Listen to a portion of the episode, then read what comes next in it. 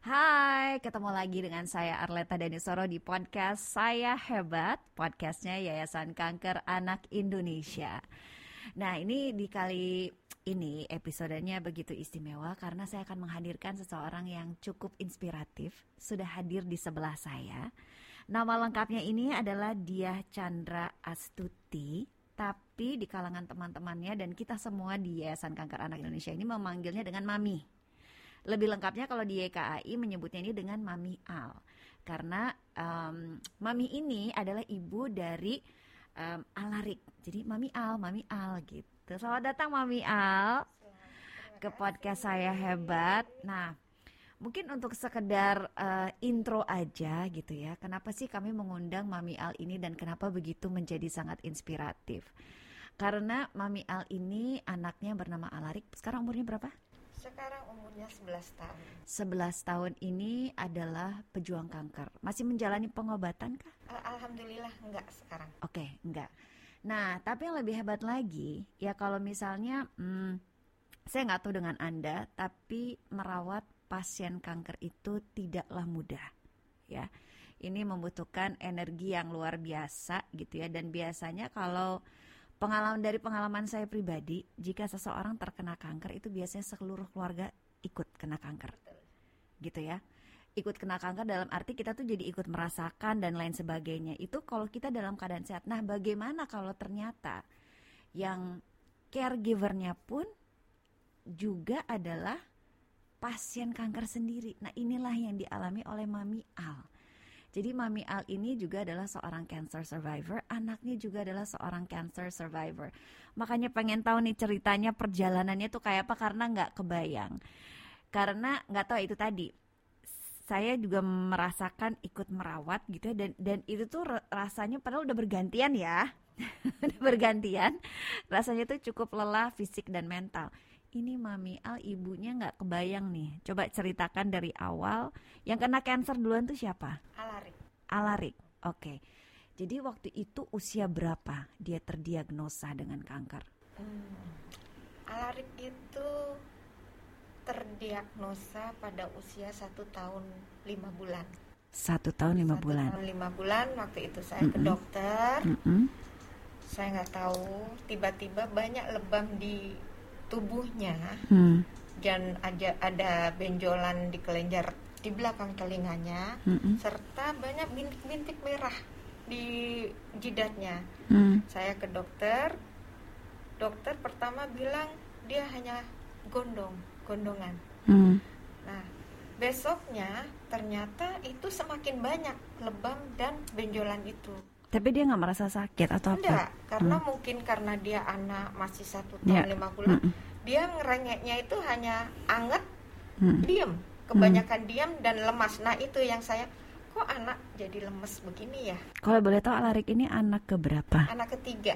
Anak ketiga, ketiga oke. Okay. Hmm. Nah itu setelah itu saya ke dokter lagi, ternyata dokter sebenarnya sudah tahu. Saya dirujuklah langsung ke dokter uh, on darah. On, uh, uh. Uh, darah. Nah langsung dokter dokter Sri Enggar waktu itu mm -hmm. kita di situ uh, minta untuk cek darah. Mm -hmm. alarik malam itu juga. Mm. itu saya ingat sekali saya dari dokter yang pertama saya jam 9 langsung dirujuk ke dokter Sri Enggar. Itu jam jam 9 lebih. Mm saya ambil darah untuk alarik dan hasilnya di situ juga karena kita, uh, dokter minta segera kan hasilnya ketahuan bahwa Alarik terkena leukemia kanker darah hmm. waktu itu masya Allah rasanya dunia hmm. porak-poranda karena saya tidak pernah yang ber, tidak pernah tahu yang namanya apa itu kanker darah hmm yang saya tahu itu hanya cerita di sinetron, cerita di film-film hmm. yang akhirnya anaknya meninggal. Hmm. Hanya itu yang saya tahu dan di otak saya waktu saya mendapatkan dokter itu bilang bahwa anak saya leukemia, saya hanya hanya berpikir ya Allah ternyata anak saya mau meninggal. Hmm. Itu. Tapi dokter Sri Enggar udah kamu nggak usah lama-lama berpikir. Jangan pulang lagi kamu langsung ke rumah sakit. Kalau kamu ke Darmais kayaknya nggak keburu anakmu karena trombosit alarik itu sudah turun drastis dan dia sudah mulai pendarahan di mulut. Hmm. udah keluar darah semuanya. Nah itu itu awalnya alarik uh, terdiagnosa. Akhirnya saya bawalah dengan suami karena karena kami nggak tahu suami juga nggak tahu uh, leukemia itu seperti apa kami nggak nurutin apa kata dokter. Kami pulang. Kami pulang ke rumah. Hmm.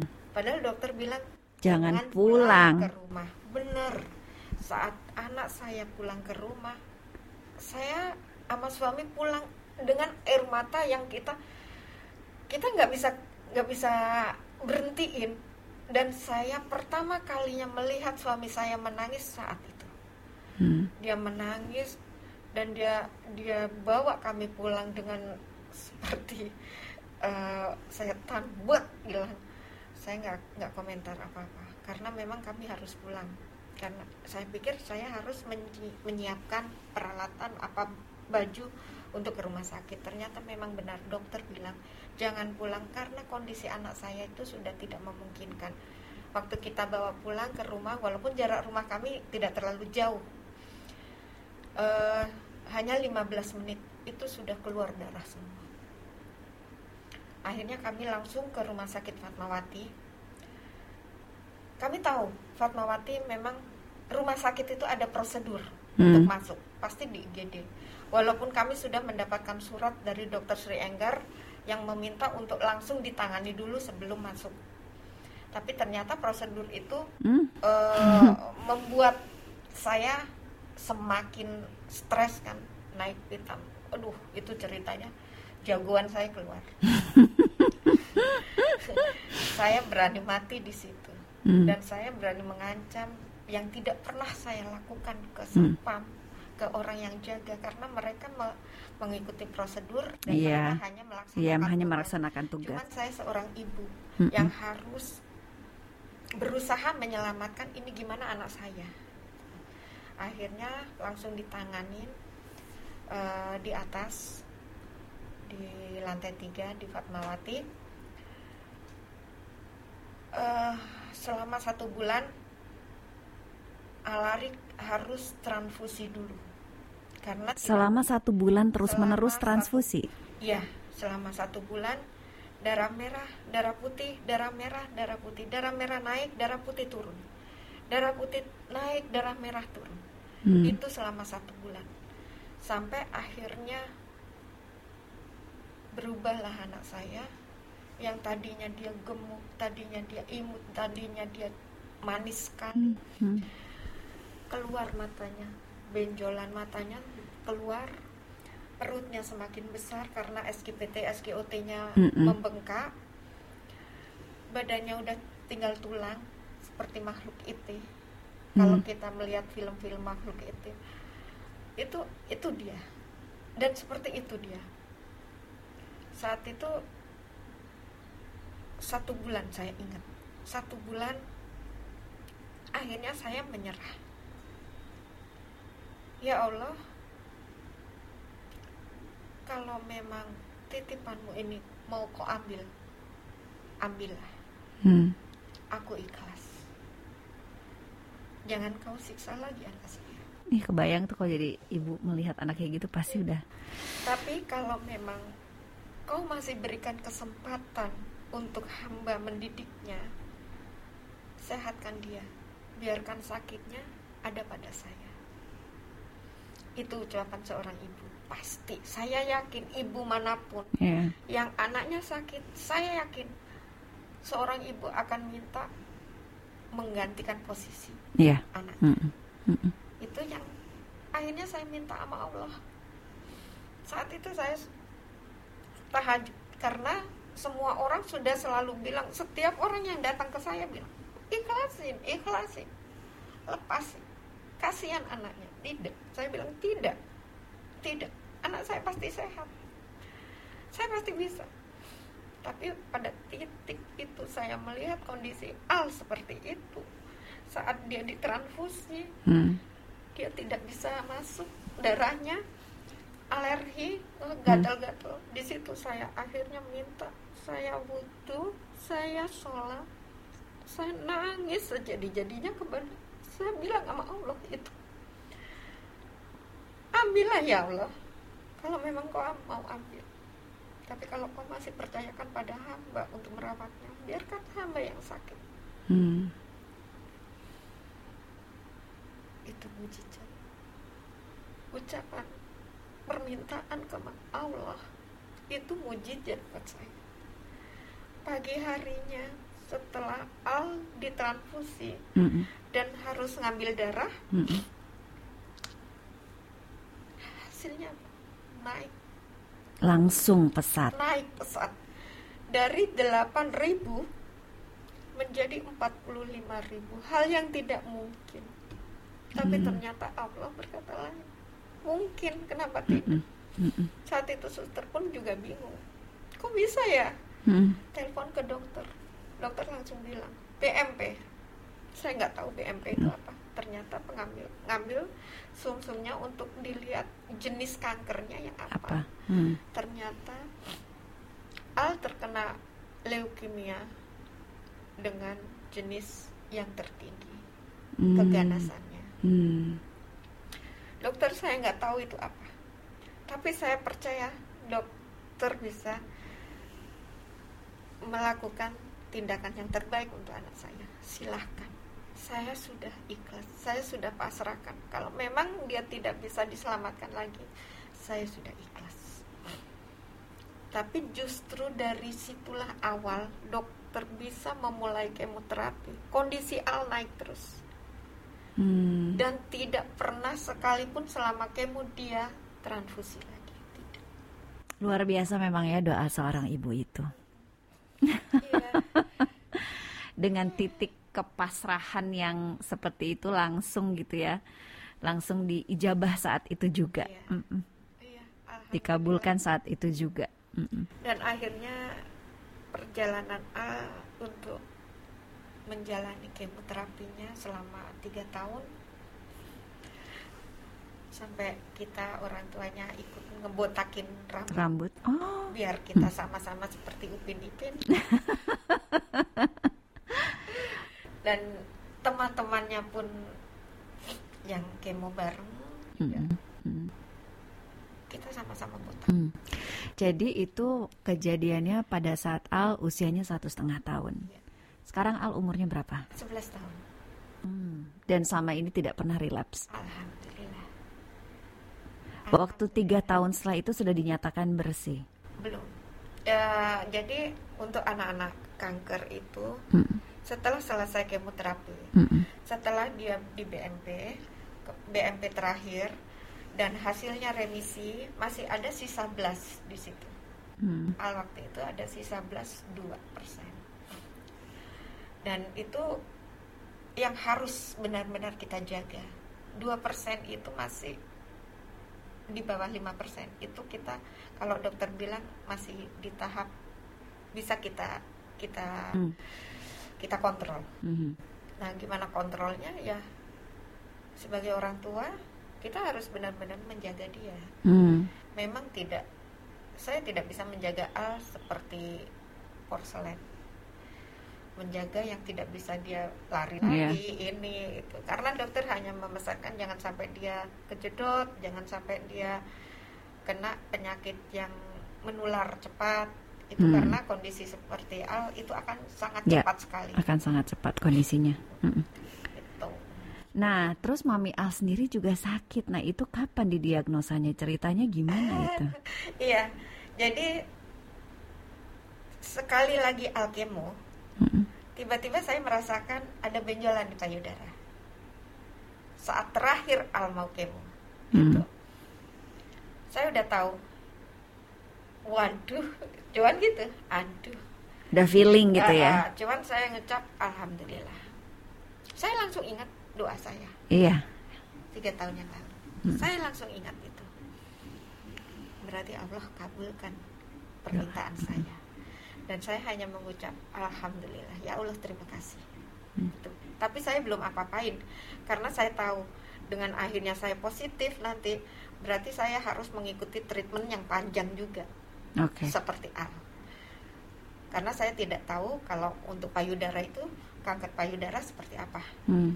nah saya selesaikan dulu Al saat dokter bilang oke okay, kamu lulus ya Al hmm. alhamdulillah terima kasih dokter waktu itu dokter Sri Enggar dan dokter Tumpal yang hmm. menangani dia uh, rawat hmm. Al terus uh, sebulan Al selesai saya langsung ke YKA, YKI mm-hmm. untuk uh, mamu mm-hmm. untuk periksa. Ternyata memang benar positif dan ganas. Mm. Stadium 2. Waktu itu stadium 2. Nah, dokter sudah sarankan untuk segera operasi. Tapi saya pikir operasi. Oke, dokter, sebentar ya. Saya harus bicara dulu sama suami dan keluarga karena kita nggak bisa langsung saya putuskan langsung saat itu. Tapi gini, pada saat tahu bahwa itu ganas, reaksi pertamanya mami apa? Saya sujud syukur dan hanya bilang terima kasih dokter, alhamdulillah. Dokter sampai lihat bengong. Bu, semua yang saya bilang hasil dari uh, yang kena kanker itu langsung nangis, Bu. Kenapa ibu enggak? Karena ini permintaan saya sendiri, dok Dokternya pasti tambah iya, bingung. Iya, semakin bingung, benar, benar. bingung kan? Benar. Hah? Permintaan ibu. Permintaan ibu. Permintaan ibu. Permintaan ibu. Iya, iya dok. Jadi ceritanya yaitu akhirnya saya ceritakan. Sebelum saya anak saya dok. Hmm. Dan itu permintaan saya sama Allah. Kalau memang anak saya bisa disembuhkan, biarkan sakitnya sama saya. Berarti kan Allah sembuhin anak iya. saya dok. Iya, dan benar-benar memberikan sakitnya kepada ibunya ya, juga betul. gitu dan itu saya terima. Dan saya ikhlas benar-benar ikhlas. Tidak ada setetes air mata pun keluar dari mata saya. Tidak. Saat saya menerima itu. Tapi oke okay, ikhlas tapi maksudnya ada perasaan kayak tak gini ya kalau kita mengalami itu saya juga nggak tahu ya tapi saya waktu itu waktu saya uh, tahu ada yang terdiagnosa kanker pun saya merasanya takut tidak pasti galau uh, terus udah mikirin aduh nanti kalau kayak gini banyak kecemasan kecemasan gitu juga nggak? Enggak oh hebat banget. Awalnya tidak. Awalnya awalnya, awalnya tidak awalnya okay. tidak. Karena saya melihat Al. Uh-uh. Al bisa kok. Hmm. tetapi setelah itu saya jalani kemo akhirnya saya pindah ke rumah sakit Fatmawati. Uh-uh. karena saya pikir familiar. Di yeah, situ saya betul. sudah mengenal uh-uh. dokter dan perawat. Uh-uh saya akhirnya harus di uh, biopsi ulang. Oke. Okay. Ditembak, saya diambil, uh, dicek di RSCM dan Fatmawati. Ternyata dalam waktu satu bulan itu sudah naik. Dari dua ke tiga B. Dan hampir empat berarti iya. ya. Nah itu sudah saya rasakan menusuk di punggung. Saya pikir dok stadiumnya untuk payudara sampai berapa ya dok? Empat oh oh oke okay. tinggal dikit lagi ya dok kayaknya dokternya yang aduh ibu ini santai banget ya gitu kayaknya kok saya kadang untuk biar tidak stres yeah. ya udah iya bu bentar lagi bu mati digituin huh? dok okay. mati itu urusan yang di sana mm. cakep dokter mm. ibu tahu nggak apa uh, kalau harus pengobatan ini efeknya apa aja tahulah dok apa aja gundul tulang sakit, diare, pusing dan sebagainya. Ya itu bu, satu lagi kurang disebutin apa? Mati bu. Hmm. Dok, mati mah urusan atas. Hmm. Oh, Oke, okay. yuk kita mulai treatment. Hmm. Langsung dokter. Saya setuju kalau kayak gini. Demen saya. Pasiennya enak untuk dikerja untuk diajak iya. kerja sama ini. Uh, uh, udah akhirnya saya menjalankan kemo. Kemo besar ada sembilan ya bu. Sembilan siklus? Uh, sembilan kali. Sembilan kali. Jadi per tiga minggu kita kemo mm-hmm. itu sembilan kali. Uh, saya cuma mikir kemo besar itu kayak apa ya? Jadi kemo yang paket uh, yang memang harus ke tubuh kita. Akhirnya masuklah itu hari per, uh, kemo pertama. Langsung ambiar saya. Biar. Mm. langsung rontok langsung tulang sakit semua muntah se sehari 40 kali sampai tulang sakit nggak bisa makan juga nggak pasti. bisa makan ancur mulut, mulut mm -mm. diare. Masya allah kok kayak gini ya? Hmm. ternyata seperti ini rasanya kemo saya baru tahu ternyata kemo itu seperti ini rasanya ya allah. Lah itu gimana anak-anakku? Iya. Yang me- menjalani kemo. Dan saya melihat obat kemonya hampir sama Hmm. hampir sama apa yang masuk di dalam tubuh saya itu hampir sama dengan yang di masuk di dalam tubuh anak-anak kanker.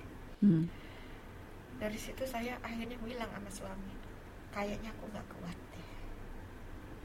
Saat itu kemo ketiga aku nyerah aku nggak kuat. Aku nggak bisa lagi bertahan tapi waktu itu Al juga masih menjalani perawatan nggak? Enggak sudah nggak selesai. sudah selesai. Makanya Hmm. karena saya nyelesain al dulu. Mm-mm. karena saya tahu pasti ini lama. Udah saya nggak kuat. Bapak sakit semua. Suami saya hanya bilang semua terserah kamu. Yang bisa menyehatkan kamu yang bisa menguatkan kamu yang bisa memotivasi kamu hanya diri kamu iya sendiri betul. Aku bisa apa aku nggak bisa apa-apa. Kamu semangat aku dorong dari belakang. Aku tetap ikutin kamu. Kalau kamu menyerah aku mau mau bicara apa mau ngomong apa aku nggak akan bisa. Hmm. saat saya di rumah sakit banyak datang orang tua pasien anak-anak Mm-mm. yang nengok saya Mm-mm. jenguk saya. Mami mami semangat. Mami pasti bisa. Mami Mm. pasti sehat.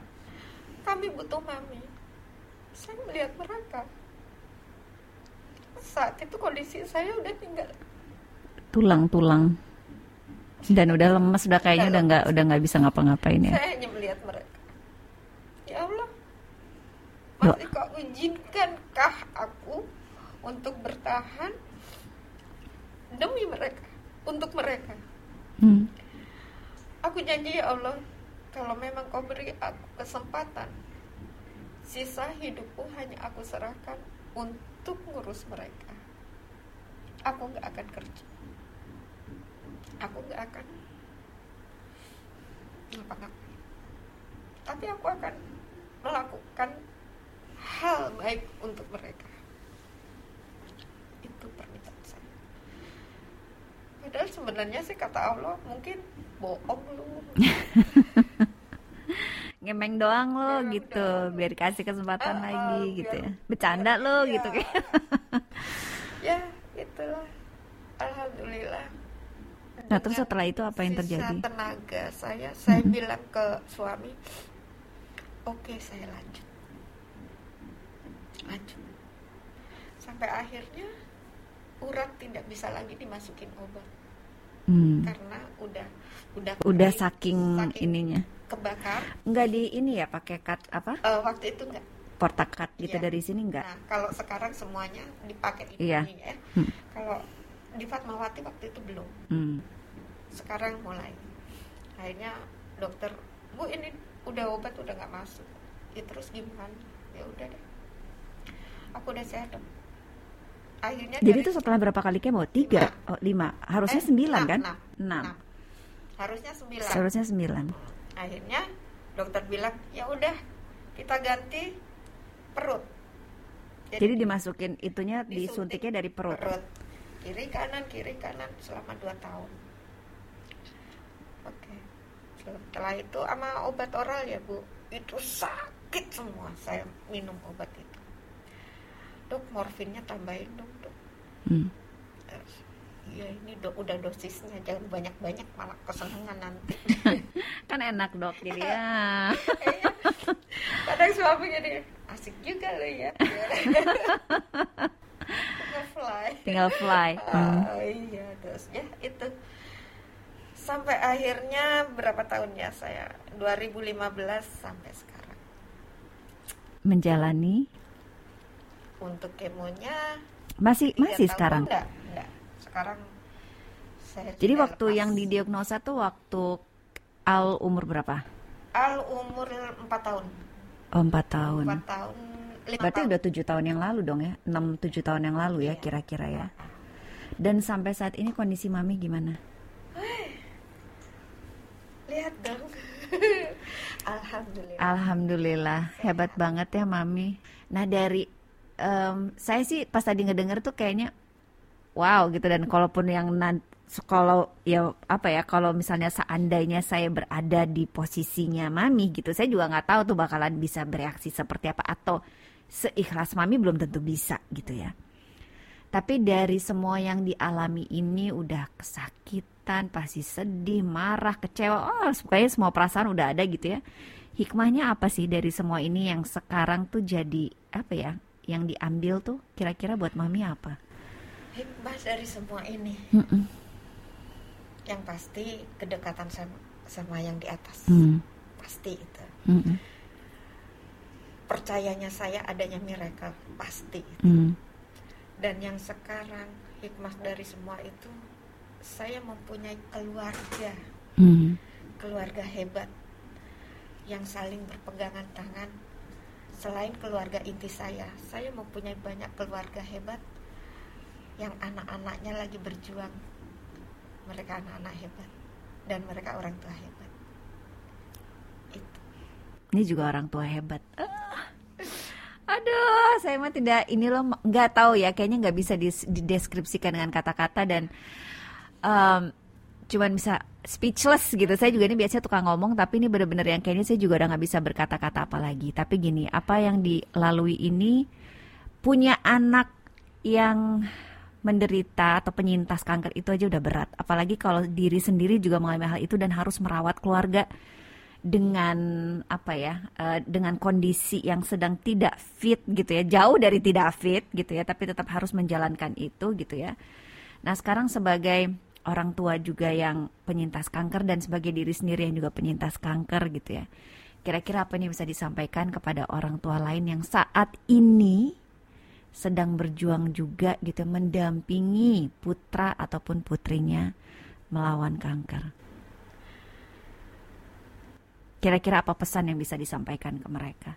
Saya tahu saat kita mendengar anak saya terdiagnosa sakit, apalagi itu kanker, hancur semuanya. Hmm. Dan kita sekeluarga pasti ikut sakit. Ya. Yang pertama harus kita ingat. Kita harus sehatkan orang tuanya dulu. Hmm. mental kita. Kita kuatkan mental.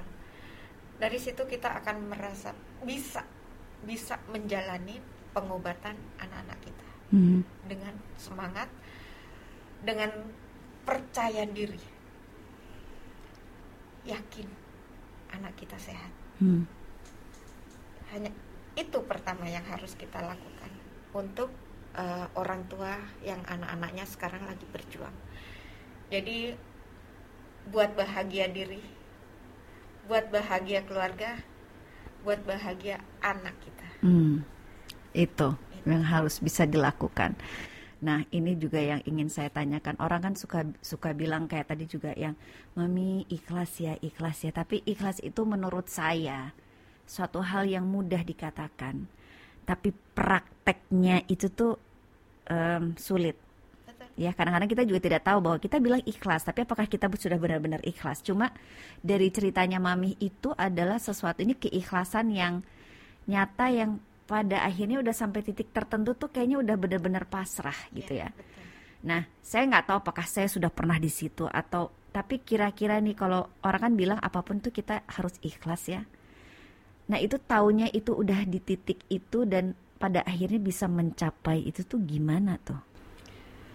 Uh, itu itu juga perjalanannya. Mm-hmm. Menata hati itu sangat sulit.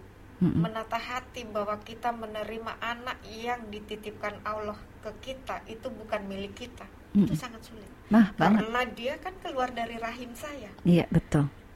Allah menitipkan memang menitipkan, tapi itu anak saya loh ya Allah. Hmm. Saya pernah komplain sama Allah Hmm. Tapi kan aku yang lahirin ya Allah. Yeah. Gitu. Tuh. Tapi kembali lagi, memang itu proses semuanya. Saat saya melihat bahwa keegoisan saya selalu berkata, gua bisa kok. Aku loh yang rawat ya Allah. Aku loh yang melahirkan ya Allah. Ternyata itu egoisnya saya. Hmm. Yang kemudian disentil. Baru juga anak diginiin kamu udah gak kuat apa-apa gitu kan. Udah nggak ini. Nah di situ akhirnya kesadaran saya kesadaran kita untuk mengakui bahwa itu bukan punya kita. Hmm. jadi tidak ada kemelekatannya itu Iya, ya. betul. yang manusia tuh memang ada kemelekatan. Gak usah sama anak lah sama barang. Itu punya saya nggak rela gitu Iya. kalau sama orang diambil gitu kan. Padahal itu cuma barang gitu yang ya udah lu beli aja lagi gitu Iya. kan ya ya ya ya. Emang ini membutuhkan sebuah proses ya. Dan untuk mencapai itu tuh memang cara Tuhan atau itu macem-macem gitu ya. Iya. ke setiap orang tuh beda-beda. Yang ke mami kebetulan yang diberikan adalah ibu dan anak sama-sama diberikan sebuah penyakit kanker tapi akhirnya bisa melaluinya dengan baik. Sampai sekarang bisa hadir di sini duduk di sebelah saya dan berbagi kisahnya yang begitu mengetuk hati dan membuat kita tergugah dan jadi berpikir gitu ya. Dan mudah-mudahan sih bisa menjadi inspirasi bagi kita semua gitu ya. Bahwa apa pun yang kita lalui kalau kita lakukan dengan ikhlas dan rasa bersyukur itu pasti segala sesuatunya pada akhirnya akan baik-baik saja gitu ya. Dan tentunya segala sesuatu itu tidak akan terjadi tanpa seizin yang maha kuasa Terima kasih Mami, saya senang bisa ketemu dengan Mami, bisa mendengarkan ceritanya. Ini em, sudah menahan-nahan nih supaya tidak mengeluarkan gitu ya, biar, biar bukan apa-apa nanti biar bulu matanya nggak copot. Tapi dibalik em, semua kita sedih ini kita masih bisa tertawa-tawa gitu ya. Dan memang mungkin dulu nggak bisa begitu kali ya mami juga. Tapi sekarang dengan mami udah mengalami ini semua gitu jadi pasti rasanya juga udah lebih enteng dan Ya, lebih nikmat betul. udah bisa lebih menerima. Mudah-mudahan apa pun yang sedang kita alami gitu itu juga bisa kita lakukan yang hal yang sama seperti mami. Dan untuk para orang tua yang juga sedang mendampingi putra putrinya tadi ya semangat terus ya tentunya berusaha terus dan keikhlasan itu tadi seperti mami yang penting. Terima kasih banyak mami. Nanti kita lanjutkan lagi ngobrol-ngobrolnya. Kalau nggak nanti kita di sini ngobrol terus nih nggak selesai-selesai. Terima kasih yang sudah menyaksikan podcast saya hebat. Saya Arleta Dani Suara pamit dan nanti sampai jumpa lagi di acara podcast saya hebat beserta tamu-tamu lainnya. Sampai jumpa.